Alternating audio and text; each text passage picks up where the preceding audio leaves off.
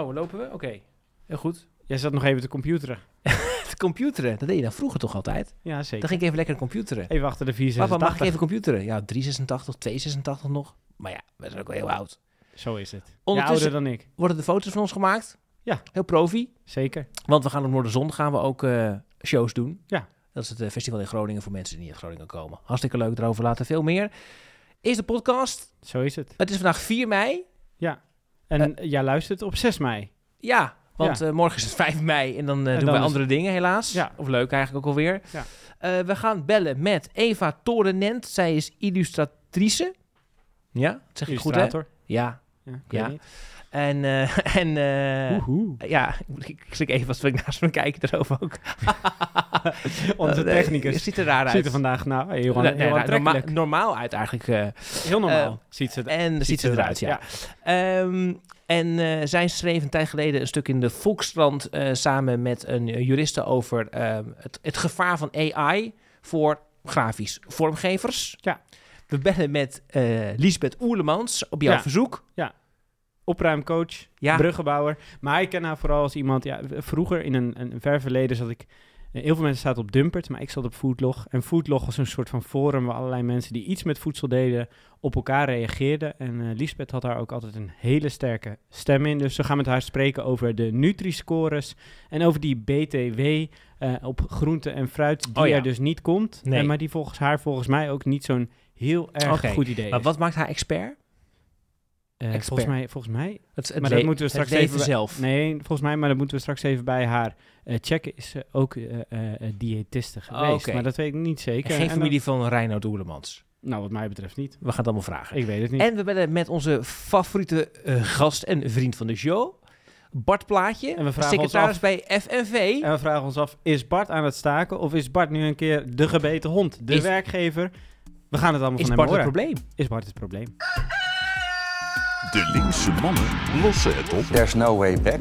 We zullen duurzamer moeten. De linkse mannen lossen het Het is op. de natste januari sinds 1948. De linkse mannen lossen het op. Eerst een beetje een rare ondergangsstemming.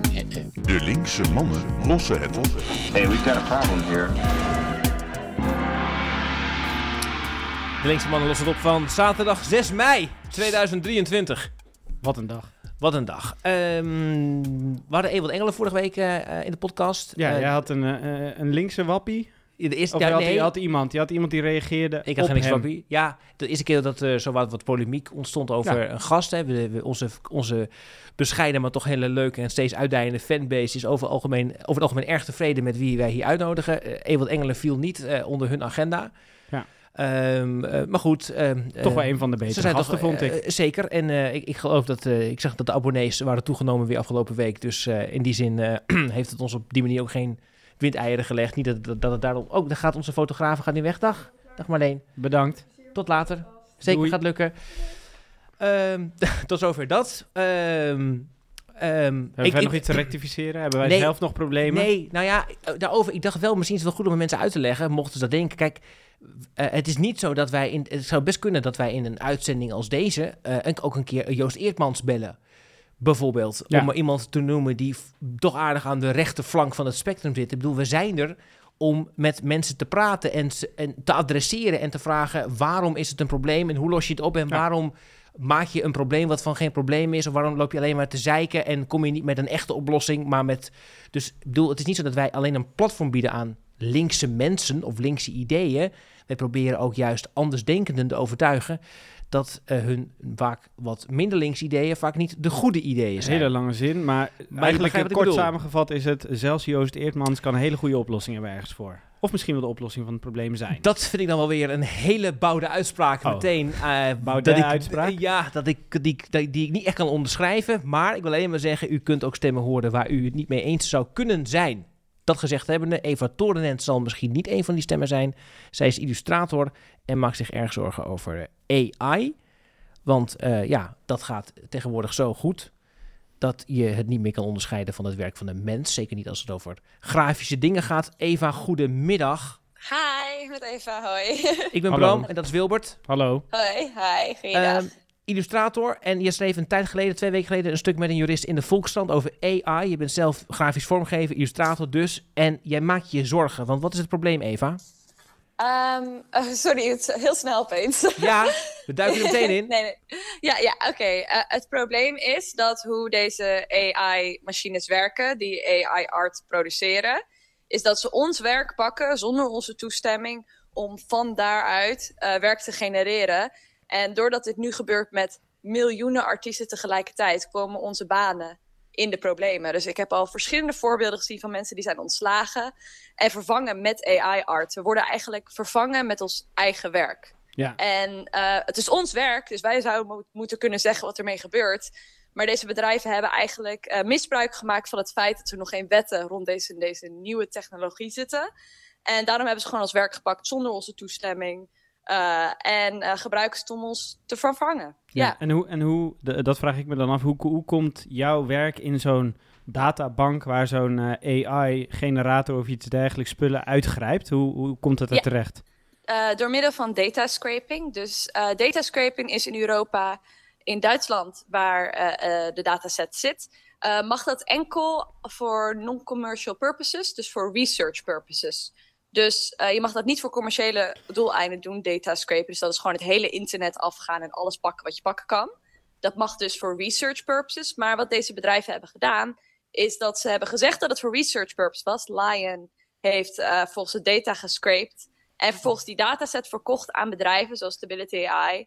eh, en wordt het nu gebruikt voor profit. By the way, ik ben geen advocaat en dit is allemaal mijn opinion. Want, Dat snap ik.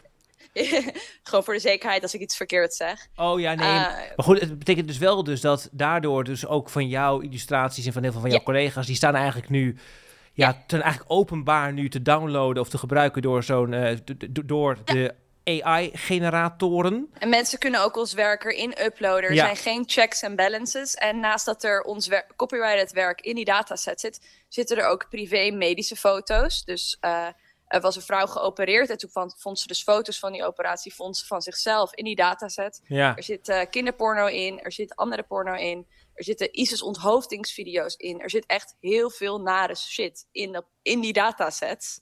En het wordt ook gebruikt voor hele nare dingen. En daar is gisteren of eergisteren ook iets heel naars over uitgekomen. Dus het is niet Wat- alleen wat- artiesten. Maar wat, wat, wat, voor nare dingen wordt het dan gebruikt? Nou ja, eh, eergisteren is bij ik- volgens mij de Daily Mail of een grote nieuwspublicatie is uitgekomen dat Midjourney, een van de grootste AI image generators, wordt gebruikt voor kinderporno. En niet zeg maar gewoon hele eh, mensen maken custom kinderporno met deze technologie.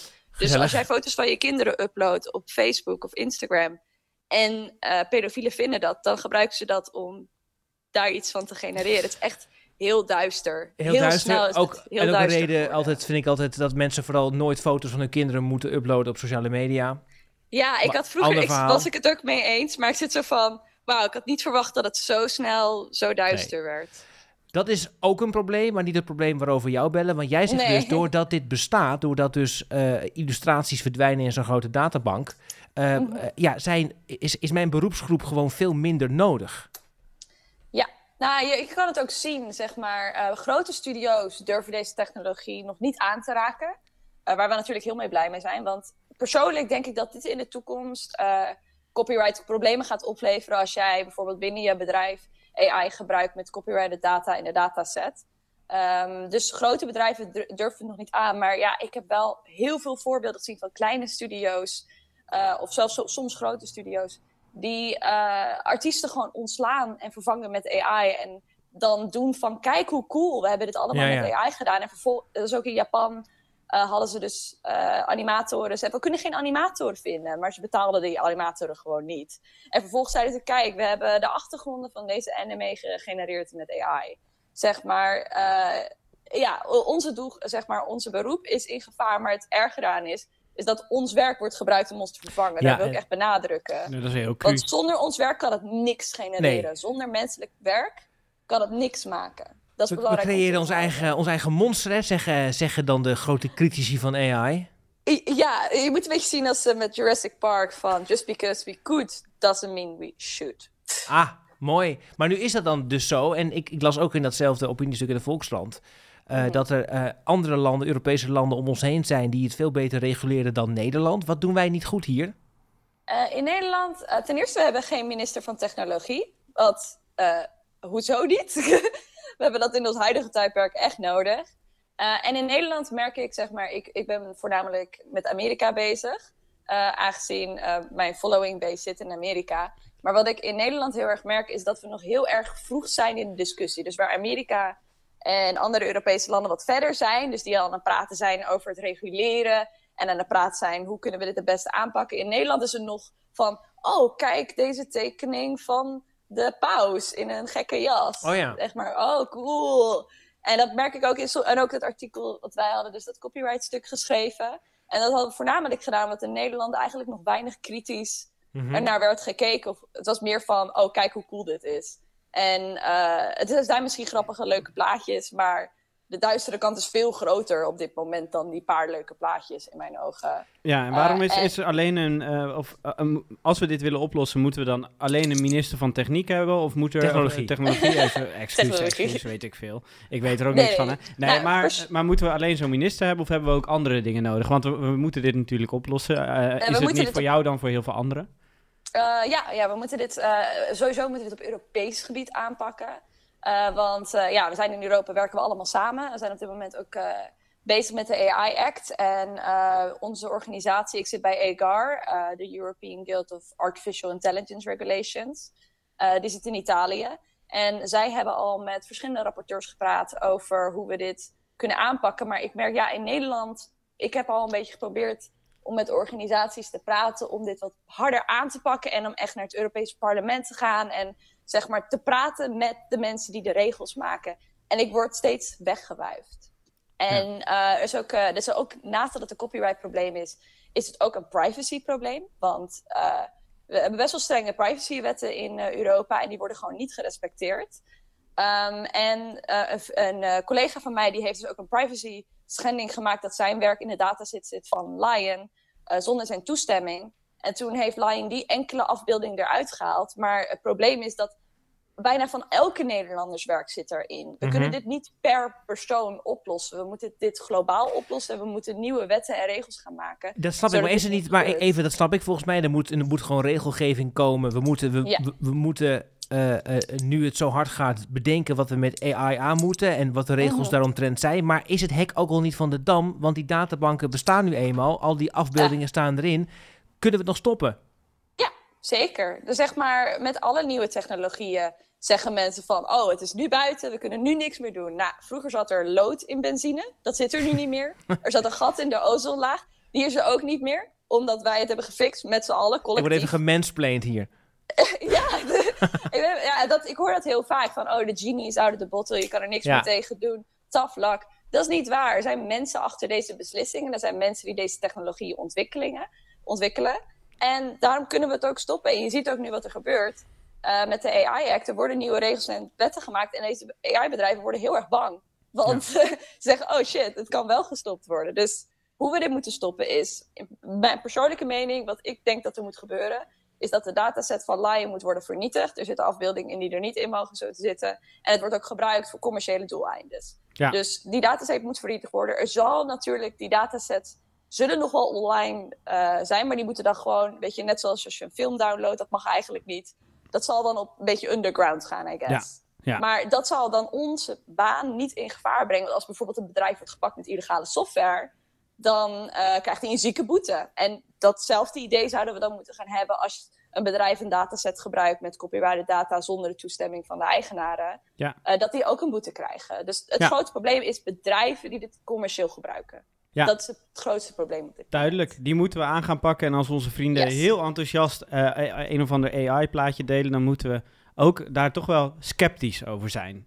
Ja, gewoon zeggen van, hé, hey, eh, wat ik altijd doe is van, hé, hey, het is niet oké om AI-werk te maken nu. In de toekomst misschien is het wel ethisch. Want ik geloof dat als er een ethische dataset met public domain images, royalty-free images, of dat mensen hun eigen werk daarin kunnen uploaden met Ja. goede checks en balances. Dus niet dat je dat zomaar kan doen. Want we hebben al gezien dat mensen andere werken uploaden.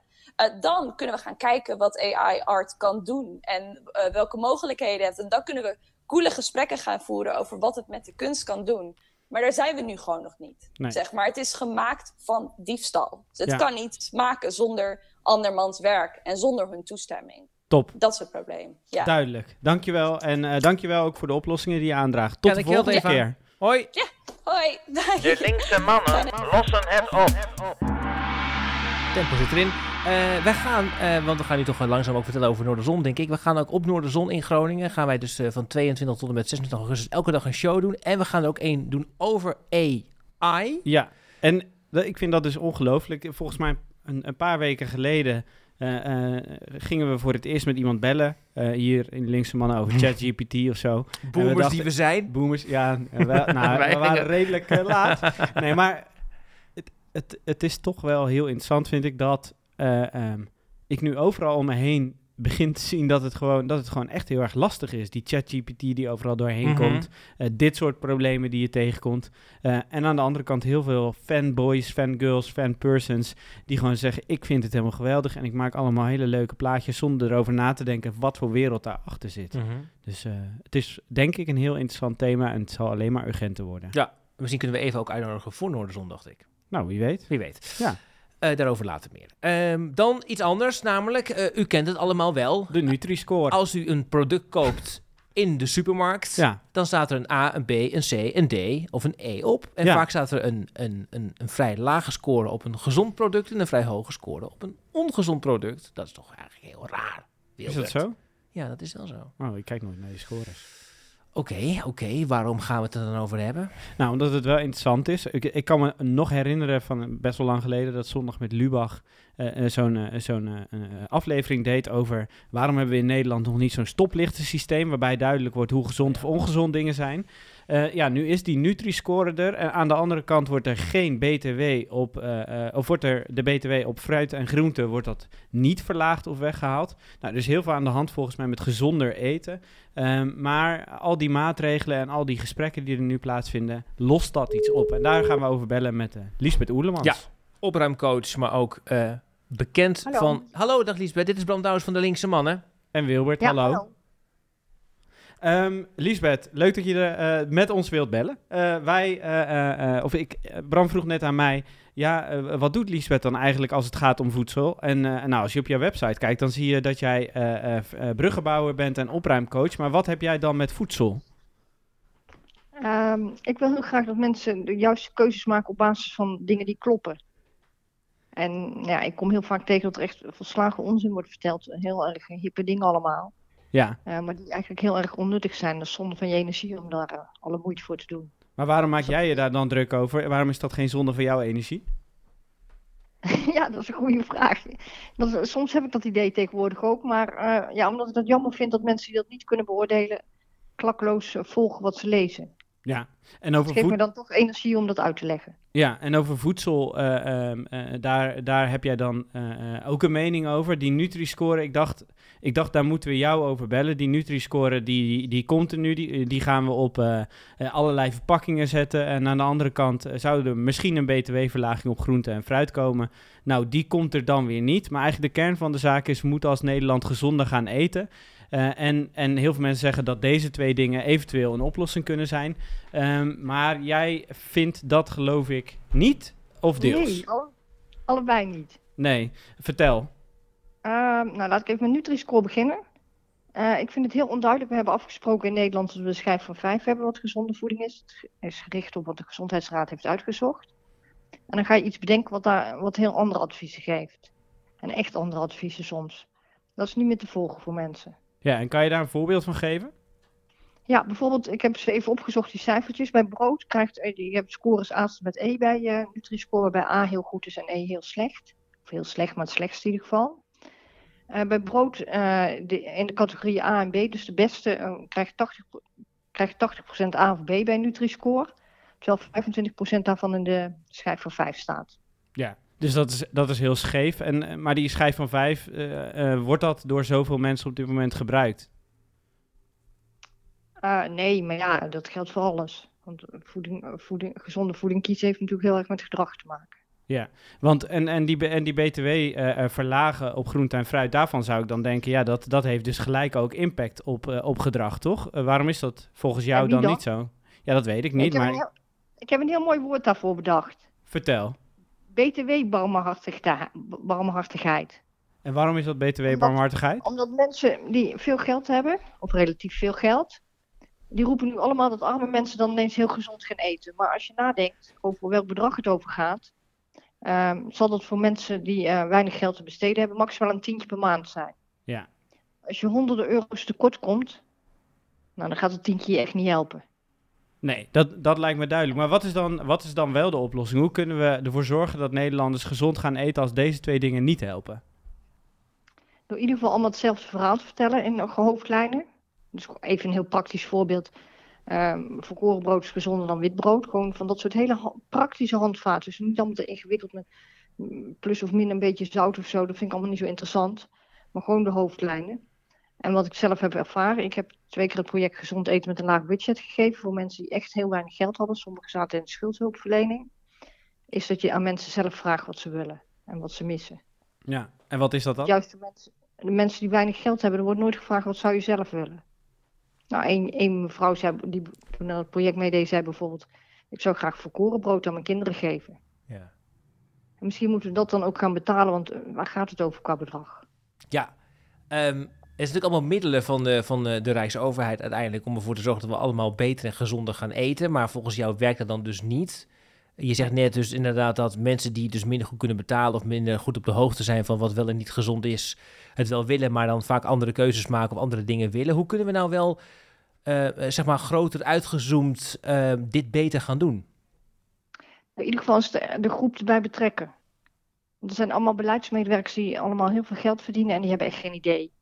Laatst vroeg het voedingscentrum, wie kent de raarste voorbeelden uit een voedingstrommel? En hoe heet het, een lunchtrommel die kinderen mee naar school nemen. Ja, Nou, er kwamen allemaal hele rare, eh, rare voorbeelden uit. Maar eigenlijk was het gewoon heel beledigend voor die ouders. Terwijl dat echt niet zo bedoeld was. Ik Nee. weet zeker dat het voedingscentrum niet als doel heeft ouders beledigen. Zeker niet. Maar dat gebeurde wel. Want je kunt veel beter vragen, wat is de reden dat er van die vreemde dingen... Kijk, een frikandelbroodje is natuurlijk niet echt een gezond, eh, gezonde menu 's middags. Nee. Eh, maar misschien hebben, misschien hebben die ouders wel echt geen geld om iets anders te doen. Of dachten ze, we willen heel aardig voor ons kind zijn.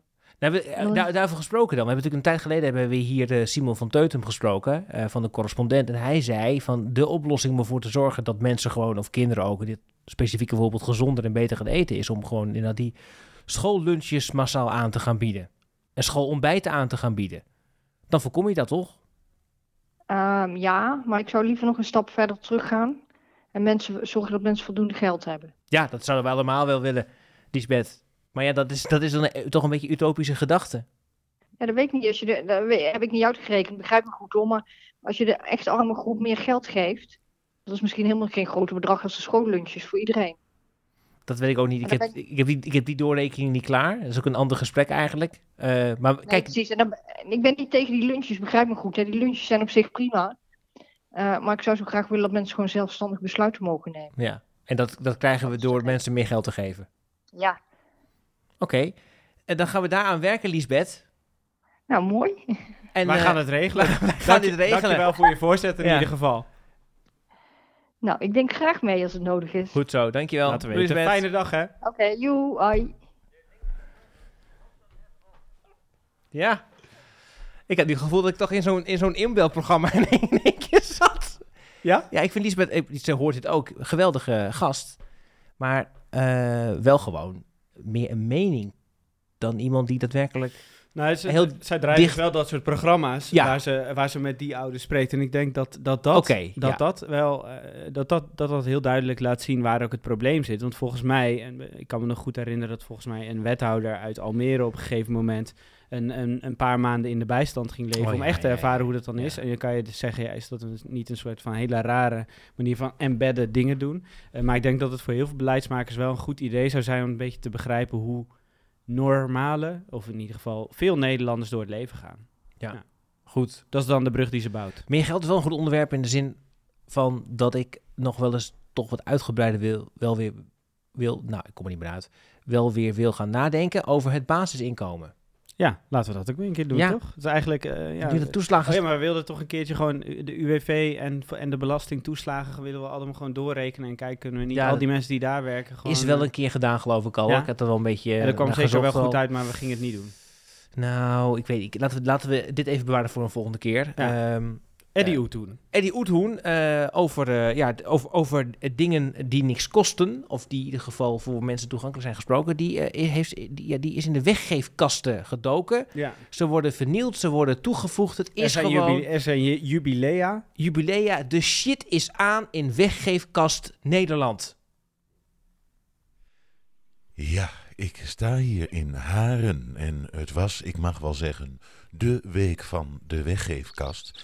Die waar de minima hun pakje macaroni of potje tomatensaus eh, zouden kunnen weghalen. Of neerzetten ter ondersteuning van hun buur natuurlijk. Eh, in de Oosterparkwijk werd er een eh, vernield en derhalve weggehaald. In Bejem vierde er een haar eenjarig jubileum.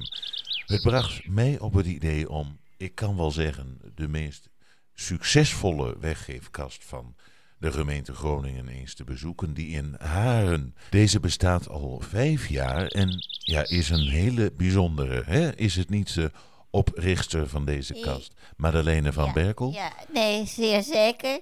En eh, vooraf even te zeggen, ik hoor u praten over eh, macaroni en dergelijke. Nou, dat is dit absoluut niet. Dit, eh, kijk, voeding en dergelijke, daar kunnen we prima zelf eh, in voorzien eh, hier. Maar dit gaat specifiek om objecten. En dan moet u denken, ah god, ik wil iets even op zicht hebben staan. Of ik, ik heb een bezichtiging en ik wil de boel iets verfraaien. Door net even een, een eyecatcher op de vensterbank te hebben staan. Dan bieden deze weggeefkasten daar hele bijzondere objecten. Ik kan even een vogelvlucht eh, nemen. We zien, als ik de kast openmaak, die op zichzelf al heel bijzonder is. Het is een Biedermeier vitrine uit 1820. Dan zien we hierboven een eh, Delftse aardewerken kan staan. Eh, heel bijzonder en in deze staat kom je die haast niet meer tegen. Daaronder de keramische vazen, ook in zeer goede staat, nog de meeste, bijna geen beschadigingen. Echt iets wat haren kenmerkt, de keramische vazen. Daar rechts ook een heel bijzonder object, een zwartsvalde klok, zeer verfijnd in de uitvoering. En ja, uniek eh, eigenlijk dat dat hier eh, staat. Dan zien we nog werkelijk een schitterende Ottomaanse vaas staan. Zo kleurrijk, zo mooi in, in uitvoering, zo in detail. Nou, dat is heel bijzonder dat we dat in de, in de kast mogen aanbieden, moet ik zeggen. En daaronder, ja, natuurlijk nog een, het pièce de résistance van deze weggeefkast. Een driedelig Frans pendulestel. Zeer vrij object, erg gewild ook. Eh, ik denk dat deze snel weggaat en dan is de hoop altijd fingers crossed dat er snel weer zo'n dergelijke object voor in de plaats eh, wordt, zal worden Ja, aangelegd. ja, nou, eh, heel indrukwekkend eh, moet ik eh, zeggen. Wat is nou mevrouw van Berkel het succes eh, van deze weggeefkast? Ja, dat is dan denk ik ten opzichte van een Oosterpark en een Bijem toch een heel groot verschil in mindset. En eh, een stuk respect voor een dergelijke kast. En het ontzag ook voor de spulletjes die aangeboden worden. En vooral moet ik ook zeggen, het lokaal houden. Het is een kast voor en door haren. En we houden het ook zeer hyperlokaal. En als ik daar een politieke uitspraak achteraan mag plakken, zou ik zeer pleiten voor het weer opsplitsen van de gemeentes Groningen, eh, stad en gemeente Haren. Graag weer terug, alstublieft. Ja, nee, ja, ja, nee, dan komen we weer in een heel ander onderwerp natuurlijk. Nou, ik wil u bedanken dat we even eh, de kast mochten bekijken. Ja, u heeft me gevraagd om niet de precieze locatie eh, van de kast weg te geven. Dat zal ik dan ook eh, niet doen. Ik wil u bedanken en ik zou zeggen tot zover. Eddie Oethoen bij de weggeefkast in Haren. De linkse mannen lossen het op.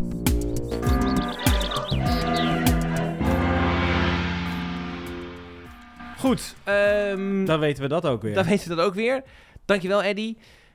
Ja, ehm, Bart Plaatje van FNV. Hè, wij, wij, wij dragen de vakbond een warm hart toe. Hè, Ja, die De- vakbonden die, die, die, die, die zijn echt naar ons toegegroeid en wij naar hen. Juist, eh, er wordt lekker veel gestaakt. Het lost ook lekker veel op. Albert Heijn, lekkere stakingen. Schappen liggen, leggen, liggen lekker leeg. Ja, ik was net in de Albert Ja. Heijn. En eh, eh, misschien als u dit luistert, dat de schappen wel weer Ja, vol want zijn. het is klaar. Maar opgelost. Er was een meisje aan het video bellen toen ik door de Albert Heijn liep. En die was haar vriendin of haar moeder of eh, haar levenspartner, weet ik veel. Iemand was aan het laten zien hoe leeg die Albert Heijn was. Kijk, ja. kijk, geen spa. De Tweede ze. Wereldoorlog is nog nooit zo dichtbij geweest Ja. voor de jeugd eigenlijk. En we als gaan op live. 4 mei 2023 en we doen het live op Instagram. Ja. Ook aan Maar- het staken nu, de Albert Heijn dus. Ja, maar dat- ook een andere groep. Nou, Vertel. Gedoe.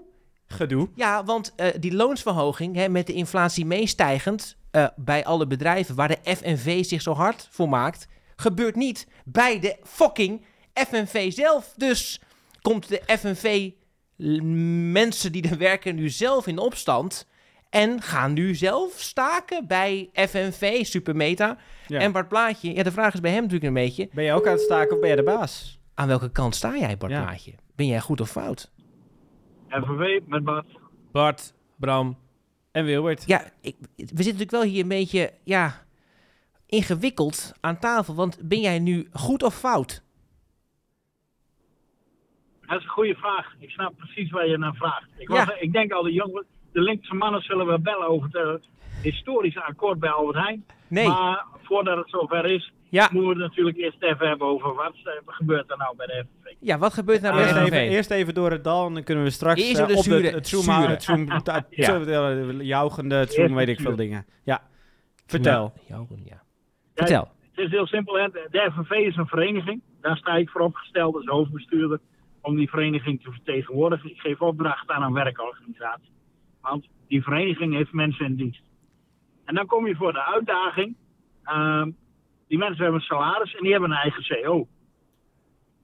Eh, dus de mensen bij Albert Heijn, de schoonmakers en, enzovoort enzovoort. Die hebben samen een vereniging opgericht. Eh, ik run die vereniging voor hun. En eh, ze hebben mensen in dienst. Ja. Dat is de werkorganisatie. Dat zijn de vakbondsbestuurders en alles wat daarbij hoort.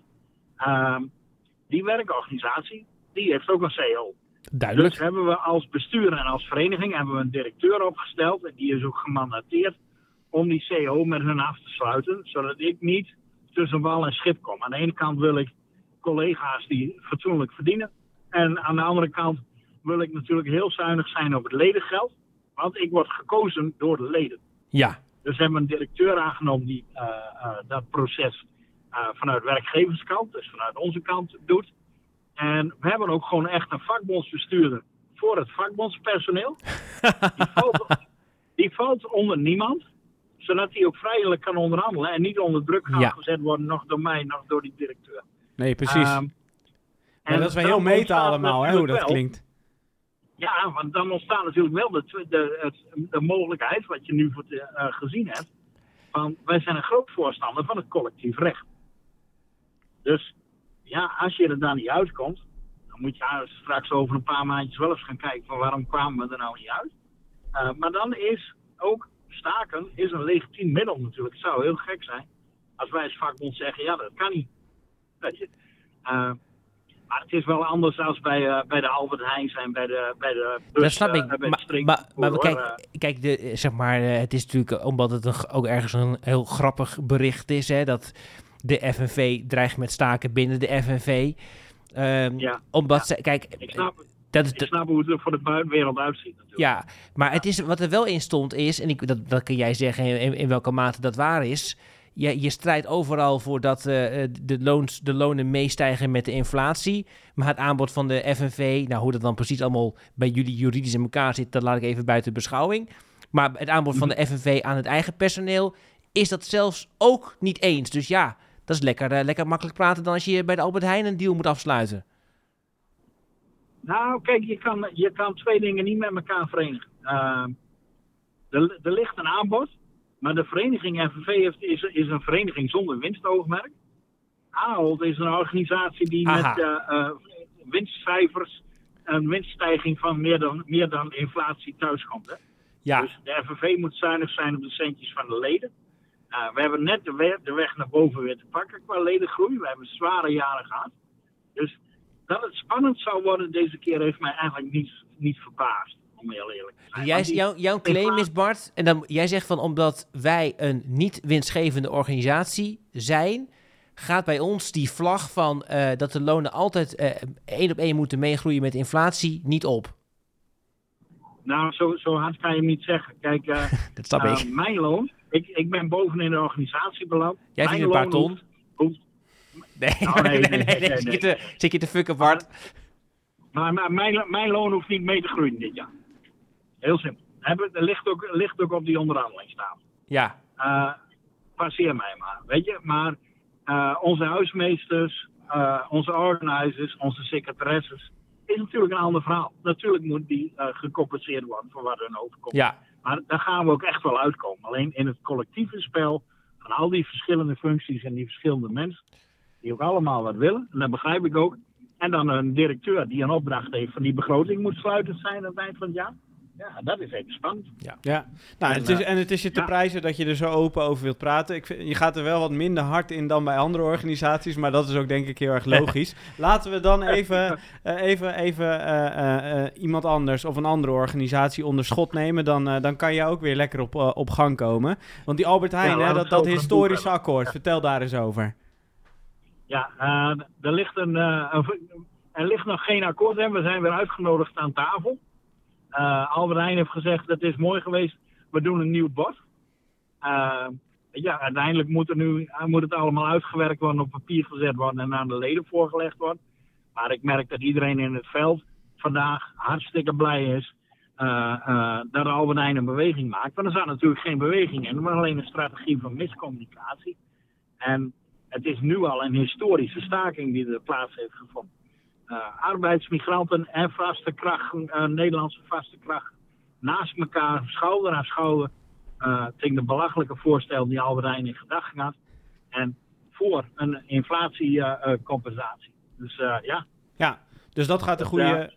dat gaat de goede kant op. En, en wat ik wel mooi Ja. vind inderdaad, wat je daarin zag, is dat ook iedereen ging staken. Dus dat, dat inderdaad niet eh, eh, eh, gewoon de werkgevers die we, of de werknemers die we allemaal de hele tijd zien eh, zijn, maar ook inderdaad arbeidsmigranten die bijvoorbeeld op de distributiecentra werken. En vorige week hebben Ja. wij Ewald Engelen gesproken hier in de podcast en die zei eigenlijk de enige hoop, dat zou jou waarschijnlijk als muziek in de oren klinken, de enige hoop die we nog in Nederland hebben om het tijd te keren, eh, om echt iets te veranderen aan die eindeloze eh, kapitalistische groei, is de vakbond. Dat, zijn, dat is de groep waar we ons nog in kunnen, kunnen verenigen. Hoe, hoe kijk jij naar nou ja, die mening of, of als, als Ewald dat zegt, hoe zie jij dat? Ja, kijk, ik snap, ik snap prima wat hij zegt. Kijk, wij zijn de laatste potentieel onafhankelijke organisatie. Wij bestaan niet van werkgeversgeld. En we bestaan ook niet van subsidies van de overheid. Wij bestaan uit geld van mensen zelf. En die mensen zelf die hebben een vereniging gevormd die de baas is. En op die manier ben je ook echt onafhankelijk. Hè? Ehm, weet je, een, een politicus, een minister zal misschien later altijd nadenken: goh, als ik hier wegkom, uh, dan nog wel een commissariaatje bij Achmea, bijvoorbeeld. Ja. Eh, dat probleem dat heeft de vakbond niet. De vakbond die krijgt een opdracht van zijn leden. En als die leden zeggen we gaan staken, dan gaan we staken. En eh, dat, in dat opzicht heeft, heeft Eeuwhoud natuurlijk helemaal gelijk. Eh, wie gaat anders de boeven aanpakken, de grote boef?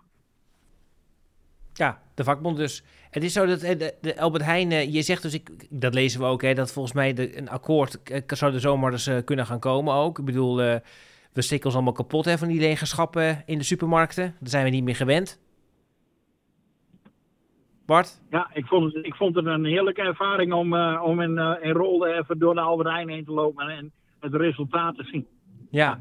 Ja, het werkt dan dus wel eigenlijk hè, als, je, als je een keer gewoon het werk neerlegt. En de mensen hebben er last van. Nou ja, zo simpel is het. Kijk, die pubers bij mij thuis zeiden, goddomme pap, eerst kon ik al niet met de bus. Nee. En dan kan ik niet naar de Albert Heijn. Frikandelbroodjes. Wat moet je... Uh, maar dan zag ik wel dat voornamelijk de gezonde dingen dan niet geleverd worden. Nou, nee, de, alle chips en spa, en, spa oh, en, en, heel veel frisdrank was ook op. Oh, gelukkig. Nee, dat is wel ja, goed. Ja, ja, Kijk, weet je wat het is? Het, uh, oh, het gezonde spul, het vers, ligt vaak maar een dag in een distributiecentrum en dan ligt het in de winkel. Dat is een enorme omloopsnelheid. Daar zijn geen voorraden van. Nee. En anders zou het bederven. Ja. Dus ja, als die jongens het werk neerleggen, is het vers het eerst op. Ja, oh ja. Ja, god, dat ja. weet ik allemaal niet. Nee. Ja. Goed, oké. Okay. Ik, weet nog uit de, ik weet nog uit de tijd dat ik uh, zelf in het distributiecentrum werkte. Uh, dagje staken op vers en de basis in paniek. Zo simpel is het. Mooi. Ja. Hey, en uh, ja, jij plukt nu de vruchten van je werk. Jij loopt door de maatschappij en je komt overal eh, eh, jouw stakingen tegen. Eh, wat, op welke plek hoop je ook nog dat er gestaakt gaat worden? Uh, nou, ik gun iedereen die compensatie tegen de inflatie, wie je ook bent en, en, en, en wat je ook doet voor de kost, of hebt gedaan voor de kost. Uh, dus wat dat betreft hoop ik dat het zich enorm uitbreidt. Maar wie weet inspireert dit de werknemers bij de Lidl en bij de Aldi. En wie weet ris- uh, inspireert dit wel uh, de automonteurs. En wie weet volgend jaar de CEO van de Rijksoverheid. Dat zou Ja. een feestje zijn, hè? Alle, maar goed, alle, kijk... Die zijn al aan het staken, toch? Voor mijn gevoel. Nou ja, oh, ha, ha, ha. Is er nou een, een ambtenaar grapje? Vindt Bart wel leuk. Ja, vindt Bart leuk, ja. ja. We hebben, we hebben vooral een kabinet wat staakt. Oh Dat ja. is, eh, nou ja, maar kijk, als je stakende ambtenaren krijgt, het grote probleem is, maar dat is weer een andere politieke discussie, dat bijvoorbeeld als je kijkt naar het afhandeling van heel veel dossiers, gaswinning, toeslagen en zo, dat het probleem juist is te weinig ambtenaren. Dus als ambtenaren ook hoe terecht ook zullen gaan staken, dan zal het leed eh, onoverkomelijk gaan zijn voor de samenleving. Ja. Ja, dus de vraag is inderdaad, daar moet je dan wel goed over nadenken. Goed, tot hier Bart. En Ja, zorg er nou voor dat die FNV, dat dat goed komt. Hè? Want ja, we nodigen je graag vaak uit, maar we moeten niet in een soort van... Dat we, dat we denken, we hebben eigenlijk een soort met... Ja, we hebben gewoon... We zitten met... We, we heulen met de vijand. Het gevoel moet niet... We moeten hier niet in gaan dalen aan tafel bij ons. Ja, dat is helemaal waar. En in alle ernst, jongens, we, we, we zullen er alles op alles zetten om hier op een fatsoenlijke manier Nee. uit te komen. En ik snap ook dat het raar lijkt, weet je. Eh, ik werd van het weekend ook gebeld door iemand waar ik vroeger mee gewerkt heb. Die jongen die is nog steeds heftruckchauffeur. Die zei, plaatjes zijn jullie helemaal knettergek geworden. Ik zei, Ja. Ben, ik snap precies wat je zegt. Ik leg het even uit. Nou, op dezelfde manier als ik dat bij Ja. jullie doe. Eh, maar het moet wel snel klaar. Vind ik ook. En we houden je in de gaten. We gaan je vaker bellen, Bart. Later. Hartstikke mooi, dankjewel. Mooi. Doei. De linkse mannen lossen het op. Ik denk, maar ja. Ik vond het wel grappig dat hij nog eh, toch wel een beetje met meel in, in de mond aan het Ja, spreken was. Maar dat lastig, snap ik. Ja. maar dat lijkt me toch ook lastig. Ik moet ook denken, en we zijn aan het einde van ons programma gekomen. Het is 4 mei. De dodenherdenking is eh, vanavond om 8 uur. Dan zijn wij allemaal twee minuten stil. Ja. Of langer. Wellicht. Ehm Zelensky is aangekomen. En je denkt, waar gaan we heen? Zelensky, eh, de Ja, ik vond het opeens heel stemmig Oekraïense. Ja. president is in Nederland aangekomen. Daar is natuurlijk weer veel eh, polemiek over ontstaan. Zo liep, eh, zo liep onze eh, favoriete partijleider Caroline van der Plas op. Eh, die vond het helemaal niks. Die vond niet dat hij begint meteen te gapen. Die vond het inderdaad helemaal niks dat hij kwam, want het moest over onze doden gaan. Onze doden eerst. En ik dacht, want Bart die vertelde over, hè, als je dan toch op politiek ingaat en dergelijke, dan, ja, dan wordt het wordt als ook politiek en dan moet je altijd inderdaad wat, wat lastiger gaan praten en misschien met mail in de mond gaan praten. Ik moest toch in één keer weer denken vanochtend op de fiets toen ik dat allemaal las over Van der Plas en Zelensky aan Suzanne Top. Hè. Suzanne Top die nu volgens mij namens BBB eh, gaswinning eh, gaat doen hè, als Lichtpuntje. gedeputeerde. Lichtpuntje, maar ook lastig. Want ik denk, ja, als je dan toch bij BBB hoort, of is hij dan zonder partij, maar ik denk het niet. Dan, moet, dan, dan kun je nu ook aan haar vragen, god eh, Suzanne, wat vind je eigenlijk van het feit dat eh, Caroline eh, tegen Zelensky is die gaat praten ehm, tijdens de dodenherdenking of op 4 mei? Maar daar zou, ze, daar zou ze gewoon tegen zijn, denk ik, toch? Ja, ik, ja, ik hoop het. Dat ik Caroline hoop, daarvan ja, alles ik van hoop, vindt. Ja, goed. Ik, Want ik vind, dat, ik vind als je zodra je de politiek ingaat, raak je toch altijd weer besmet met ook al die andere dossiers. En ik hoop dat, dat zij dan wel gevrij, gevrijwaard blijft. Maar we moeten haar gaan bellen hier ook over. Maar ja, dat kan nog niet echt, want het is nog steeds allemaal in de pijplijn en nog jij niet bekrachtigd. En ik ga, ik ga tenminste nog steeds, als Transavia het goed dunkt, Ze op vakantie. 36 vluchten Ja, geannuleerd, maar niet die van jou. Strak in de gaten, niet die van mij, maar voor hetzelfde geld wel. En dan ga ik naar, op vakantie. Ja, Stel, ja. Je vliegt niet, dan blijf je Dan blijf thuis, ik dan ga je gewoon lekker vakantie vieren. Dan ga ik thuis. Dan ga ik misschien nog even naar eh, Ameland of zo, of zoiets. Ook goed idee. Maar dan, Ja. dan ga ik niet, niet ergens anders heen. Nee. En ergens misschien de komende weken nog weer een soort van eh, special die Ja, ik moet je wel ha- hard zeggen. hè. Ik bedoel, de mensen die nu helemaal zenuwachtig worden dat het er niet is. Komt er nou volgende week gewoon een aflevering of niet Wilbert van der Kamp? Nou, ik heb in ieder geval, heb ik, heb ik eh, Jonas heb ik gevraagd. Van Jonas? Elite. Ja, Ik dacht, als ik iemand wil spreken op dit moment, en als er iets bij mij past, Havenmelk. Ja, want eh, voor de niet-Groningen luisteraars er stond een groot artikel in de Groninger krant, Dag van het Noorden, over hoe de havenmelk-elite... onze stad kapot maakt. Juist, dat. Wat, Terwijl het gewoon natuurlijk het kapitalisme is. en, daar, En dat ga ik met hem bespreken. In vijf minuten zijn we er denk ik wel door. Goed zo. Ik zeg moedig voorwaarts. Moedig voorwaarts, houd moed tot over drie weken, twee weken, één week. We zien wel. Kut afkondiging. De linkse mannen lossen het op.